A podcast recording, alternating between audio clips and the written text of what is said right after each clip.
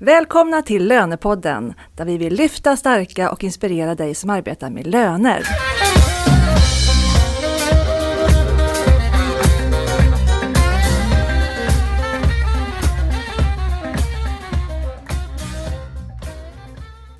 Jag heter Katarina Sand och jag arbetar på rekryteringsbyrån Wise Professionals i Stockholm där vi hyr ut lönekonsulter och rekryterar lönekompetens inom affärsområdet lön.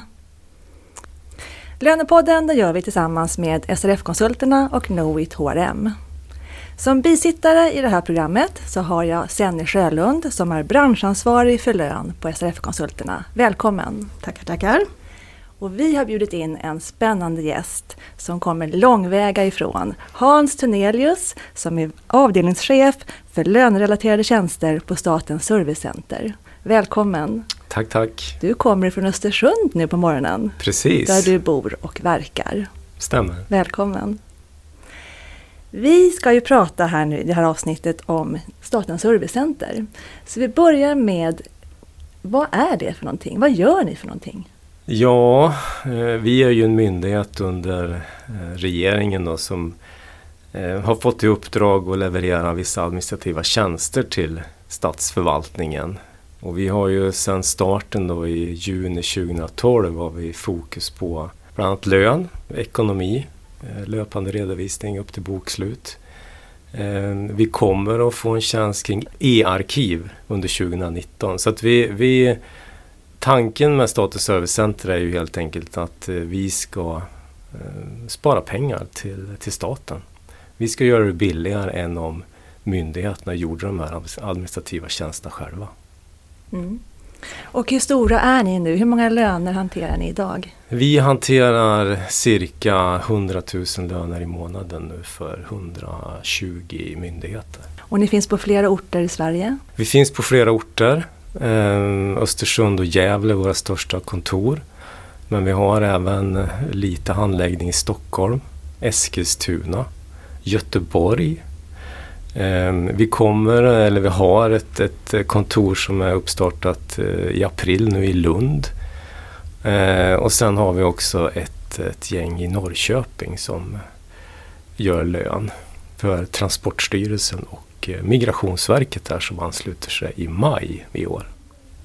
Hur kommer det sig att ni har flera olika lokala kontor då? Det kommer sig av att den här, det finns ju en politisk process bakom det här också. Och, eh, från början så var ju eh, Statens servicecenter och lönetjänsten var frivillig. Anslutningen till, det, till den. Sen under mm, åren som gick så såg man väl att anslutningstakten var väl inte lika hög som man hade trott från regeringen. Så därför så inrättade man och gjorde en förordning, heter det då, 2015. Där man mer eller mindre började då ja, tvinga in, inte rätt ord kanske, men peka lite mer med hela handen att man skulle ansluta sig till Statens servicecenter. Men den här processen är ju inte helt enkel för, för eh, myndighetsuppbyggnaden i Sverige eh, har ju gått ut på att myndigheterna är ganska självständiga. Vilket också har gjort att vi har ju haft ett, ett eh, ska vi säga, en, en, en, dialog med vissa myndigheter. Och är man då en ganska stor myndighet så har man kunnat ställa högre krav. Och då har det blivit att vi har ibland då etablerat då ett kontor för att få just den myndigheten att ansluta sig till, till servicecentret. Göteborg är väl ett bra exempel där Göteborgs universitet anslöt sig då eh, 2015. Och i samband med det så öppnade vi också ett kontor och så tog vi över den personalen som jobbade med lön på Göteborgs universitet då, via verksamhetsövergång. Mm. Vad blir det för förändring då för de som jobbar i Göteborg? Ja, förändringen blir ju det så kommer de ju till en annan myndighet. De flyttar ju egentligen från att vara en, en intern eh, löneavdelning på Göteborgs universitet. Så förutom den fysiska flytten, de sitter ju inte kvar på Göteborg, i Göteborgs universitets lokal utan vi har ju ett eget kontor där, så blir det ju att det blir ett leverantör-kundperspektiv som jag tror är tydligare än om man är kvar in-house hos myndigheten. Vad servar ni mer med? Ni har lön då, men vad det, finns det mer för verksamheter eller avdelningar inom Statens servicecenter? Det finns ju en ekonomiavdelning som också jobbar med löpande redovisning då och även bokslutsarbete till vissa myndigheter. Och sen har vi en konsultavdelning också inriktad på ekonomiområdet här i Stockholm. Och de är som det låter en avdelning som jobbar även ute på plats hos myndigheterna. Man kan hyra en ekonomichef av oss. Eh, man kan eh, köpa in controllertimmar eh, och framförallt är det för mindre myndigheter, de som är kanske bara om man säger 20, 30, 40, 80 anställda som inte har egentligen eller har behov av en egen ekonomifunktion. De köper in tjänster av oss då på den, på den, på den sektorn. Mm. Och vad har man uppnått med det här? Vad, vad var målet? Mm. Eller vad är målet med Statens servicecenter? Ja, målet är ju att göra det här effektivare och sparas pengar egentligen till, till staten. Ehm, dels för att kunna göra det effektivare utifrån att det blir stordrift. En del gillar inte det men, men ehm, det är ingen hemlighet att, att vi försöker liksom efterlikna kanske mer fabriksliknande kulturer. Och man kan diskutera är det bra eller dåligt. Eh, ibland är det bra, ibland är det mindre bra. Men just liksom standardisering, effektivisering i allt ifrån processer till systemstöd. Det är ju på något sätt det vi, vi jobbar med och jobbar för. Sen ska man komma ihåg att eh, ibland så tror jag Sverige tycker att man är väldigt långt framme inom må många områden. Men vi är faktiskt sist i, i Norden av, att göra det här. Mm. Så den här statliga samordningen där ligger våra nordiska grannländer eh, 8 till 10 år för oss. Så de har redan påbörjat den här resan för, för ganska länge sedan. Finland var väldigt tidigt ute, var de inte det? Finland var tidigt ute. Eh, Danmark har också varit tidigt ute. Eh, Norge ligger ändå åtta år före oss. Mm. Eh, Island är ett litet land men de har också samma typ av, av eh, tjänsteleveranser från en gemensam eh, myndighet myndigheter som ska stå för professionell hantering just på det administrativa området. Mm. Det måste ju finnas, man kan ju bara tänka att det finns flera utmaningar i det här arbetet att samla allting på, på, så koncentrerat på några få orter. Som i Östersund då, hur många löner gör ni i Östersund? Där ligger vi på runt 30 000 30 000. Mm. Eh, och i Östersund där finns det flera andra stora lönecentra. Swedbanks lönekontor, Deloittes, Riksbyggen, Jämtlands läns landsting. Det är flera stora lönekontor där uppe. Mm. Hur löser ni det här med kompetensförsörjningen? Ja, det har gått eh, ändå bra fram till nu. Vi, vi hade ju ett... När vi startade Servicecenter 2012 så såg vi att det här kan bli ett problem med kompetensförsörjningen. Men då, då gjorde vi ett, hade ett samarbete, ett nära samarbete med Iterum. Eh, och fick igång en, en, en KY-utbildning, en kvalificerad yrkesutbildning då, redan 2013 tror jag det var. Så det har ju varit vår räddning. Det, det pumpas ändå ut någonstans runt 30 handläggare per år från den här utbildningen. Eh, visst, alla är inte bosatta i Jämtland men eh, en stor del, även om det är en distansutbildning, eh, har vi haft möjlighet att anställa. De har fungerat jättebra de som har kommit in den vägen. Hur har de känt att kliva in i fabriken då? Om man tänker på YA-skolor, de, de jobbar ju mycket för att lyfta yrkesrollen på ett annat sätt, att vi går mot en annan utveckling. Och så kommer man in och så är man inne mer i fabrikstillverkningen. Ja, det är väl lite olika. Vi har ändå en ganska låg personalomsättning så att någonting eh, tycker jag ändå att vi gör rätt. Sen är det ju så att även om man kan likna det med en fabrik, det är stordrift, eh, vi, vi jobbar med liksom och försöka få processförbättringar och standardiseringar så är det ju så också att i en fabrik så finns det ju också massa olika specialuppdrag. Så här har man ju också en möjlighet att kanske fokusera på det man verkligen brinner för. Är det så att man är väldigt intresserad av rapporter och statistik så kan man ju hos oss i princip jobba, eller man kan jobba heltid med det. Eh, och det finns andra områden också. Är man avtalsintresserad, då finns det interna forum man kan lägga sin tid på även där. Vill man jobba i projektform och vara ute och resa och träffa kunder och ansluta kunder och då, eller myndigheter då, då kan man eh, liksom ta den karriärvägen. Så att det finns liksom handlings eller utrymme för att ändå göra, tycker jag, eh, karriär. Eh, man har interna karriärvägar man kan gå hos oss. På kanske tydligare sätt än om man jobbade på en mindre myndighet där man kanske var då mm, två, tre, fyra handläggare. Och där man då mm, var kanske mera inlåst i sitt arbete. Att ja, men det är det här du ska göra. Och eh, man hade inte möjligheten kanske att specialisera sig på det sätt som vi har. Hur många är det som jobbar med lön? 100 000 löner totalt som ni hanterar. Hur många jobbar med lön hos er? Ja, vi har ju idag ungefär 120-130 löneanläggare mm. som jobbar med lön. Ehm, ett antal av de här är ju då knutna också till anslutningsprojekten.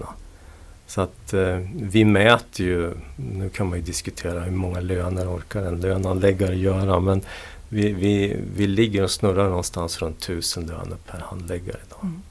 Hur jobbar ni med robotisering, digitalisering för att få ett effektivare lönekontor? Är ni, håller ni på med dem? Ja, det gör vi. Mm. Robotiseringen har vi inte börjat med på löneavdelningen än. Det har man då, vi har ett pilotprojekt på ekonomiavdelningen i lite mindre omfattning för att titta på hur vi ska liksom närma oss den tekniken.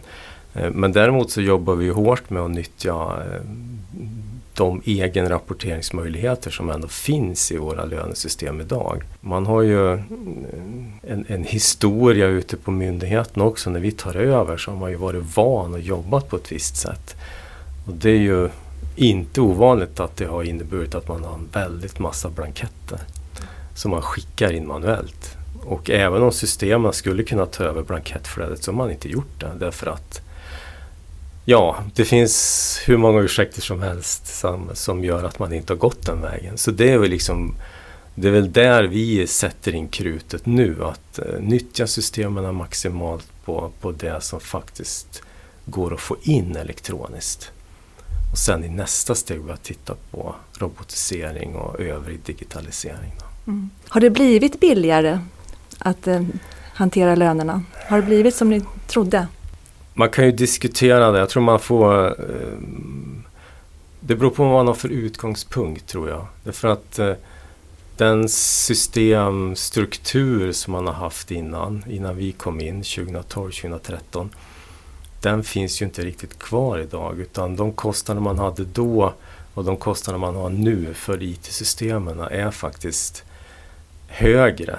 Eh, och det har ju att göra med att man också har de ramavtal och de system som staten har köpt in är inte egentligen bara lönesystem längre utan de är personalsystem. Så man har en helt annan funktionalitet i systemen också som vi håller på att bygga ut. Då. Så att man har ju gått ifrån att ha haft ett lönesystem till att man jobbar nu med rekryteringsflöden i systemen. Man har bemanningsplaneringsfunktioner som man också har byggt upp. Eh, och det finns andra funktioner också som hör mer till ska säga, HR-området eller gränslandet mellan lön och, och HR. Men, eh, och vi kanske inte är rätt eh, myndighet att svara på heller om det har blivit billigare. Finansdepartementet är inne och gör en, en, en, en analys nu mm. under våren här eh, 2018. Då får vi se vad de kommer fram till.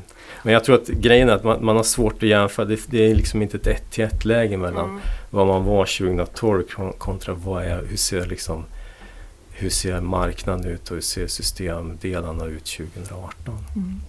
Har alla myndigheter varit lika positiva till det här eller är det några myndigheter som har känt att nej, men vi vill inte? Jag skulle nog säga att eh, de, många myndigheter har känt att vi vill inte.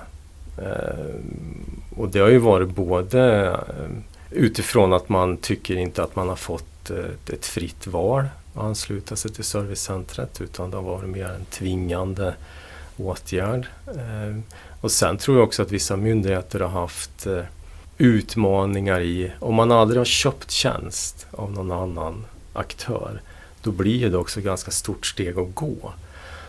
Eh, för du ska ju ändå förstå dels vad du får i tjänsten, men du ska ju också ha en beställarkompetens kvar inhouse då, eller inuti myndigheten så att du får en en rätt och en, en, en bra kvalitativ tjänst från servicecentret. Och du ska ju kunna påverka också. att eh, Tycker man inte att, vi får, att man får en bra tjänst, ja men då ska man naturligtvis kunna ha en dialog och vi måste förstå vad vi behöver i sådana fall ändra på. Vad har varit de största utmaningarna? Det är en ganska stor insats ni har gjort. Ni har tagit till er flera olika myndigheter som är som, som företag själva. Även om ni har samma avtal i grunden så finns det olika lokala hanteringar. Och, och den, vad är den största utmaningen med att föra samman allting till Statens servicecenter? Jag tror hastigheten. Eh, för att eh, dels har vi plockat ihop nu då, om vi kör 100 000 löner idag som vi har då egentligen plockat ihop det sedan 2012. Men, men i det här jobbet har det också varit en utmaning att vi har ju jobbat mycket med systemfrågorna. Eh, vi har haft en besvärlig situation på, inom staten. Vi har ju fått eh, bland annat en, en, en, en systemnedläggning då av kan man säga, det system, Palassor som det heter. Det lönesystemet som de flesta av de statliga myndigheterna har använt. Det är på väg att fasas ut eh, och tas bort helt enkelt. Eh, för leverantören CGI har aviserat att man vill lägga ner det. Och det har ju inneburit också att vi har fått lägga väldigt mycket kraft på att migrera eller flytta över befintliga lönekunder från ett system till ett annat. Så att eh, vi kommer att behöva liksom, när det här är slut så har vi, har vi levererat tror jag över 200 200-250 projekt som bara går ut på att förflytta kunderna från ett lönesystem till ett annat. Och det tar väldigt mycket tid. Men finner man att det blir en effekt av det som är värd den omställningen i den här hanteringen? För det, är, det låter kostsamt att göra en sån stor omorganisation. Mm. Jag skulle säga, om man ska vara ärlig, och det ska man väl vara, ska jag säga nej.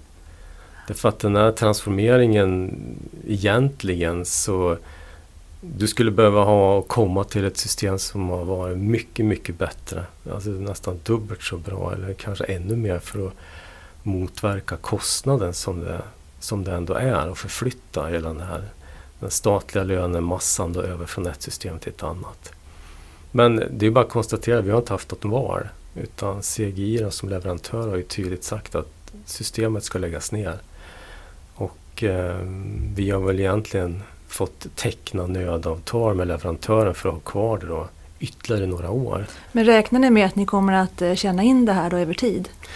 Ja, det gör vi ju. De system som, man kan väl säga så här, vi kan ju inte, vi kan inte vara kvar i ett system som en leverantör vill lägga ner och som man inte vill utveckla. Det finns ingen framtid i det heller.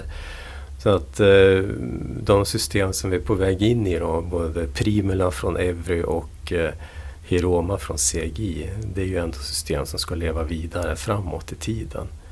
Och där jobbar man ju hårt från leverantörernas sida också med att förnya och modernisera de systemen. Så när tror du att eh, ni kommer att ha räknat hem det här stora projektet att centralisera statens löner? Alltså vi har ju, om man tittar på hur vi har byggt upp myndigheten så eh, har vi ju gått på lån egentligen från det att vi startade 2012. Och nu 2017 var ju första året vi gjorde ett överskott på, på 3 miljoner. Så nu kan vi säga att vi är på plus minus noll egentligen. Och eh, framöver här nu så tror jag att vi kommer att kunna visa att vi kan sänka priserna och öka digitaliseringen i staten. Jag är nyfiken på din bakgrund. Ja, jag är ju ingen, jag är ingen lönemänniska i Nej. botten men har ju halkat in på det här området på, på ett, det beryktade bananskalet. Jag kommer från IT-sidan, IT-branschen, så jag är systemvetare i botten. Jag har jobbat med systemutveckling eh, och projektledning på framförallt den eh, för privata försäkringsmarknaden skulle jag säga. Mm. Ledarskapsträning då? För du, alltså du behöver ju, kan ju vara, det här måste ju varit en väldigt utmanande förändringsresa för hela staten. Hur har du fått med dig alla de här myndigheterna och personalen? Och, det är vilken, vilken resa! Jag har väl legat, jag har haft lite, haft några träningsrunder innan det här jobbet. Så jag har gjort liknande saker tidigare. Då. Först var jag på Deloitte i Östersund som av en händelse när de skulle börja centralisera sin löneverksamhet för den svenska marknaden upp till Östersund. Då.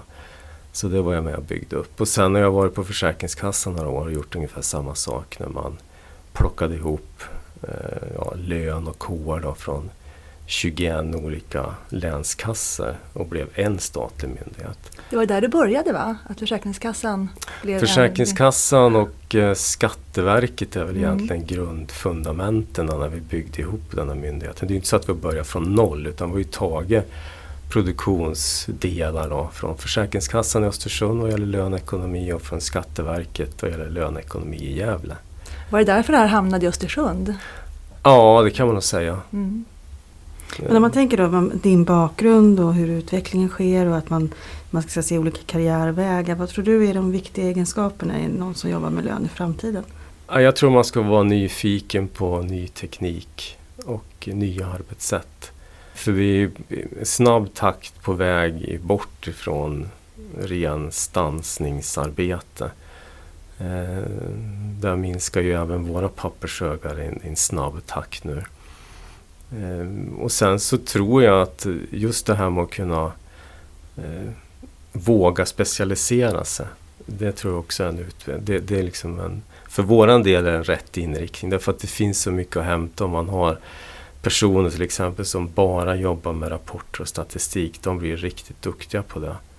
Eh, och de ser också andra möjligheter. Och för oss är det viktigt för vi är så pass stora volymmässigt så att eh, jag tycker att det blir servicecentret också som ett ansvar för att se trenderna i statsförvaltning, vad man behöver. Och det tror jag vi, vi har möjlighet att göra som sitter lite grann på toppen på isberget. Om man tar av sig offentlighetens glasögon då så tänker man ut det privata näringslivet så är det väl så att de allra flesta företag i Sverige idag är ju små. Mm. Eh, vad tror du händer med deras lönehantering? Jag tror ju att man nu är jag ju part i målet då, men lite grann samma resonemang som man haft på staten, på den statliga sidan. Det här är inte en kärnverksamhet i, hos myndigheterna att hålla på med lön. Eh, alltså ska de inte bli specialister på det utan det finns andra som ska ha den, den specialistkompetensen då, däribland då Statens servicecenter. Och jag tror ju att det skulle kunna vara liknande eh, inriktning på den privata marknaden. Eh, jag tycker vi ser att, att Sverige är även där ganska långt efter andra länder hur man har jobbat med outsourcing-delar eh, från privat sektor. Man har ju ofta byggt interna servicecenter på de större privata bolagen. Men, men tittar man på till exempel den engelska marknaden så är min bild att där har man ju liksom lagt ut löneverksamheten på privata aktörer i mycket större omfattning än vad vi har gjort i Sverige.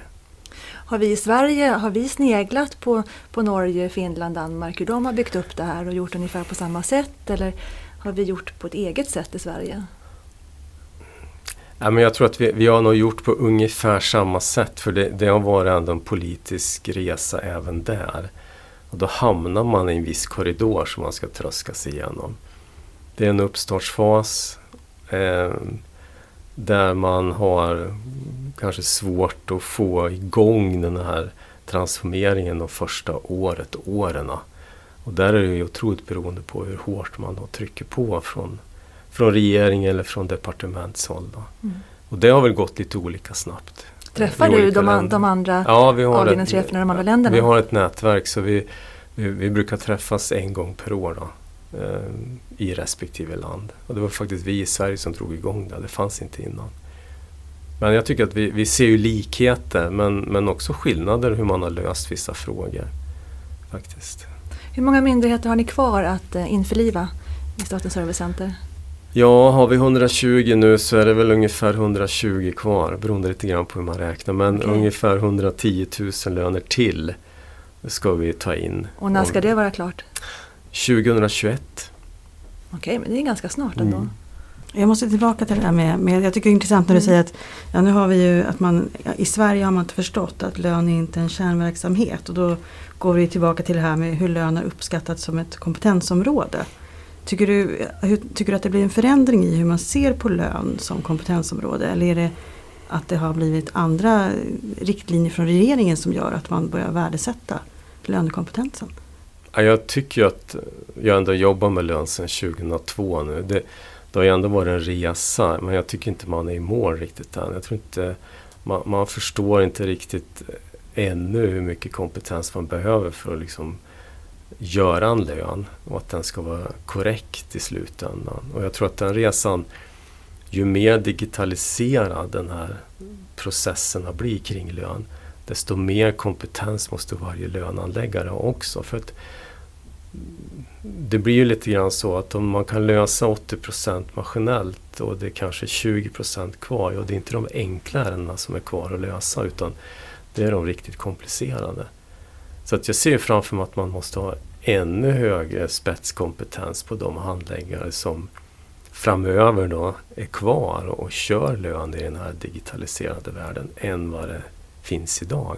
Hur ser könsfördelningen ut bland de här 130 den är väl inte sådär jättebra. Vi har ju lyckats, eh, vi har ganska få manliga handläggare men vi har ju då eh, flera ska säga, killar som är, jobbar som systemadministratörer. Men, men av 130 så ska jag tippa på att eh, om 100 är tjejer så är 30 killar. För du började ju inleda med att säga att ni har ju också redovisning kan man säga i mm. samma enhet. Mm. Ser du någon skillnad där? Och är det någon skillnad på hur man ser på kompetensområdena? Svårt att bedöma men generellt sett så har man väl egentligen om man ska välja en högre status på ekonomiområdet.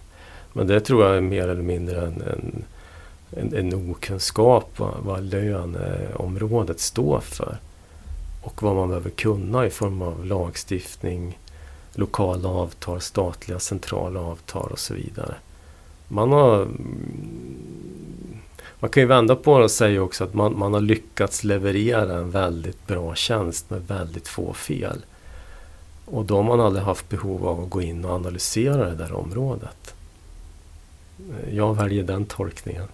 Vad kan du göra då för att öka statusen i yrket? Ja, ja, dels så tror jag specialiseringen är en nyckel för att kunna bli riktigt duktig på det. För jag, jag ser också framför mig att det man säljer framöver är den här löneanläggningen, att man ska få ut en korrekt lön. Det tar egentligen också våra kunder, våra myndigheter som givna att det ska bara bli rätt. Men man också börjar efterfråga mer information kring det jag nämnde tidigare, rapporter, statistik. Man vill ha med oss i vissa utvecklingsprojekt. Man vill förstå hur vi tillsammans kan jobba och få till en bättre, bättre processflöden även internt hos myndigheten vad gäller anställningshantering och så vidare.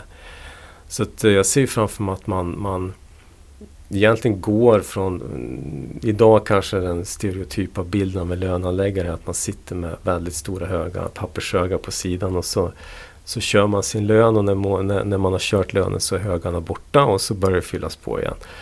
Men, men framöver tror jag att man, vi kommer att jobba mycket mer i projekt. Det kommer att bli mycket mer eh, ska säga, digitala frågor att diskutera. Hur man ska bygga integrationer, maskinella integrationer mellan våra system och kundernas system. Och då tror jag också man behöver ha personal som gillar att jobba i projekt och som gillar att vara ute hos kund. Och eh, både kunna lära ut saker till kunderna men också kunna ta emot och diskutera olika lösningsalternativ. Hur tror du att eh, AGI, arbetsgivardeklaration med individuppgifter, kommer påverka löneprocessen? Vi håller ju på att analysera det där, vi är inte klara än. Jag, jag, jag vågar inte riktigt svara på den frågan faktiskt idag. Vi har ett, ett tätt samarbete med Skatteverket som myndighet och håller på och försöker att förstå och även lämna åsikter till dem hur vi tror att det här flödet kommer att fungera. Eh, jag tror en resa kvar för att få det här så effektivt som det bara går. För det är spännande att ni har Skatteverkets egna löner och det är mm. de som driver på mm. Eh, projektet mm. i allra högsta grad. Mm. Se hur det utvecklas. Mm. Ja men det är en utmaning. Men vi har inte alla pusselbitarna på bordet än riktigt. Men eh, vi, vi, vi försöker ju se också oss som en, som en eh, aktör för att säkerställa att, att den administrativa bördan inte ska, ska bli ännu tyngre ute på myndigheterna. Eller för den enskilde individen heller. Eller för oss naturligtvis. Eh, men jag tycker vi har ett bra samarbete med Skatteverket där. Mm. Så sammanfattningsvis då det är en spännande resa ni, ni, ni, har gjort och ni har, ni har, långt, ni har gått, kommit halva vägen kan man säga så. Ni har 100 000 mm. löner kvar. Mm.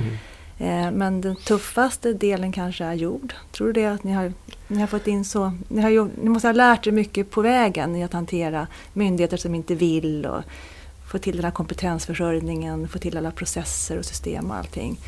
Så att, vad, vad, tror du om de här, de här åren som är kvar nu för att få till, komma till målet? Känns det lättare eller känns det som en utmaning eller hur känns det? det både och. För jag tror att det man har sett också när man har, man ska säga så här, man var väl eh, den, vi var lite glada amatörer, man ska vara lite fikonspråkig när vi började. Och eh, vi har byggt eh, medan vi har sprungit. Eh, och det har gått ändå relativt bra tycker jag. Eh, men, men med, en, med en kraftigt växande organisation så kommer det också andra behov som man också måste parera. Ehm, och ett av dem är att kunna också möjliggöra och vara en strategisk partner till, till myndigheterna vad gäller eh, utvecklingsbehov, inte bara ett år framåt utan kanske tre till fem år framåt. För nu, från början så såg man väl oss som en löneleverantör och det är vi ju idag också. Men, men nu blir det också diskussioner på var kommer servicecentret att befinna sig om tre, fyra, fem år?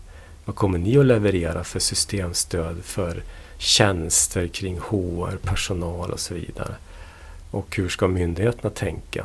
Eh, ska vi anamma det konceptet och gå in och, och jobba tillsammans med servicecentret för att möjliggöra även besparing på det området. Då. Så att, eh, på något sätt så växer omfattningen av uppdraget i takt med att vi också etablerar oss på, på alla fall på den statliga marknaden och får liksom en mer direkt dialog också in på myndighetsledningarna tycker jag blir en jättebra avslutning. Vad säger du Senni? Har du några fler frågor till Massor, men vi har ju begränsat med tid. Men det är väldigt intressant. Men det här är ju faktiskt, det skulle vara spännande att bjuda hit dig igen om några år. Så får vi se vad ni, hur det känns då och hur långt ni har kommit. Mm. Mm. Så att, eh, stort lycka till! Tack, tack! Gå gärna in och kommentera det här avsnittet på vår Facebook-sida Lönepodden. Vi finns också på Instagram. Lönepodden produceras av Helst Kommunikation vi hörs igen den 25. Tack för att ni har lyssnat.